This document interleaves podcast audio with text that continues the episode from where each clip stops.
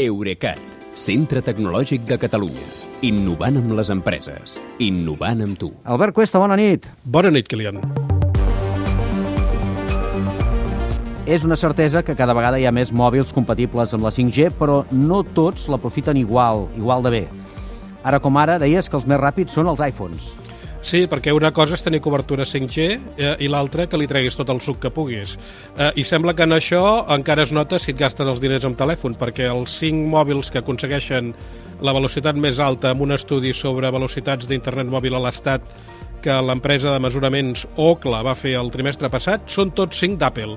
En concret, l'iPhone 13 Pro Max, que és el més car de tots, va tenir una velocitat mitjana de 95 megabits per segon. El segueixen els seus germans iPhone 13 Pro, que és gairebé igual de ràpid, i l'iPhone 13 amb 80 megabits per segon.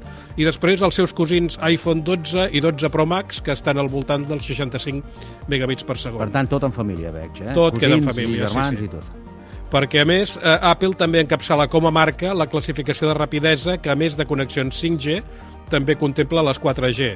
Al seu darrere hi van Samsung, Xiaomi i Huawei per aquest ordre. Però és que a més dels telèfons, eh, aquest estudi d'Ocla també classifica les companyies i aquí la que ofereix més velocitat amb 5G és de llarg Vodafone amb una mitjana de 277 megabits per segon. Després hi ha Orange amb un 47% menys i Yoigo i Movistar, que aquesta supera pels pèls els 100 megabits amb 5G. En temps de resposta, les operadores estan més igualades. La que és més àgil és Orange i la que menys ho és Yoigo.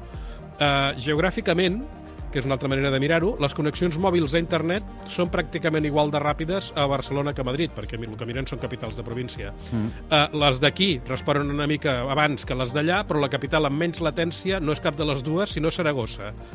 Uh, en termes generals, que també convé mirar-ho, l'estat espanyol ocupa la novena posició del món amb velocitat de connexions fixes, que està molt bé, però quan et mires les de mòbil ja no tant, perquè cau fins al lloc 53. I escolta'm, Albert, com es fan aquestes medicions, com, com s'ho fan per controlar la velocitat, la cobertura? Doncs mira, amb aquest estudi que dèiem d'Ocla és probable que hi hagin contribuït molts dels nostres oients.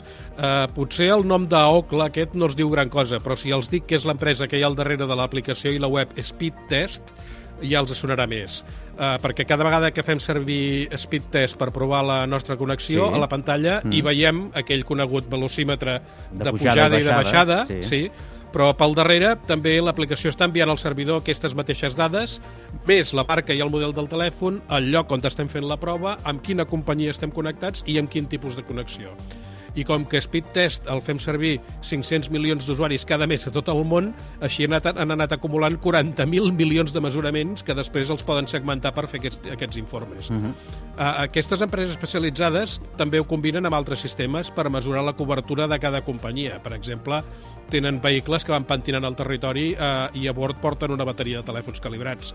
Però aquí també resulta que hi podem, hi podem o hi podíem donar una, un cop de mà als usuaris. Uh, fa uns anys, la Generalitat va treure una aplicació que es diu Cobertura Mòbil per telèfons Android, que anava mesurant la intensitat de senyal i l'anava comunicant al servidor de manera anònima per fer un mapa, diguem-ne, ciutadà de cobertura de cada companyia, que el govern el feia servir per suggerir a les empreses, a les operadores, en quins llocs hi havien d'afegir antenes. Eh, el que passa és que aquesta aplicació encara existeix, però ha perdut molta utilitat però perquè no detecta les xarxes 5G. Home, sense la xarxa 5G diríem que estàs una mica, sí, eh, eh, en el passat, eh? Haurien d'actualitzar-la, diríem, no? Sí, estaria bé, perquè així podríem anar mirant la cobertura 5G que tenim allà on volem anar, que és una cosa que va molt buscada. Com buscades van les peces de l'Albert Cuesta, cada dia en tenim una, no patiu. Gràcies, Albert. Doncs fins demà, Kilian, bona nit. Eurecat, centre tecnològic de Catalunya. Innovant amb les empreses. Innovant amb tu.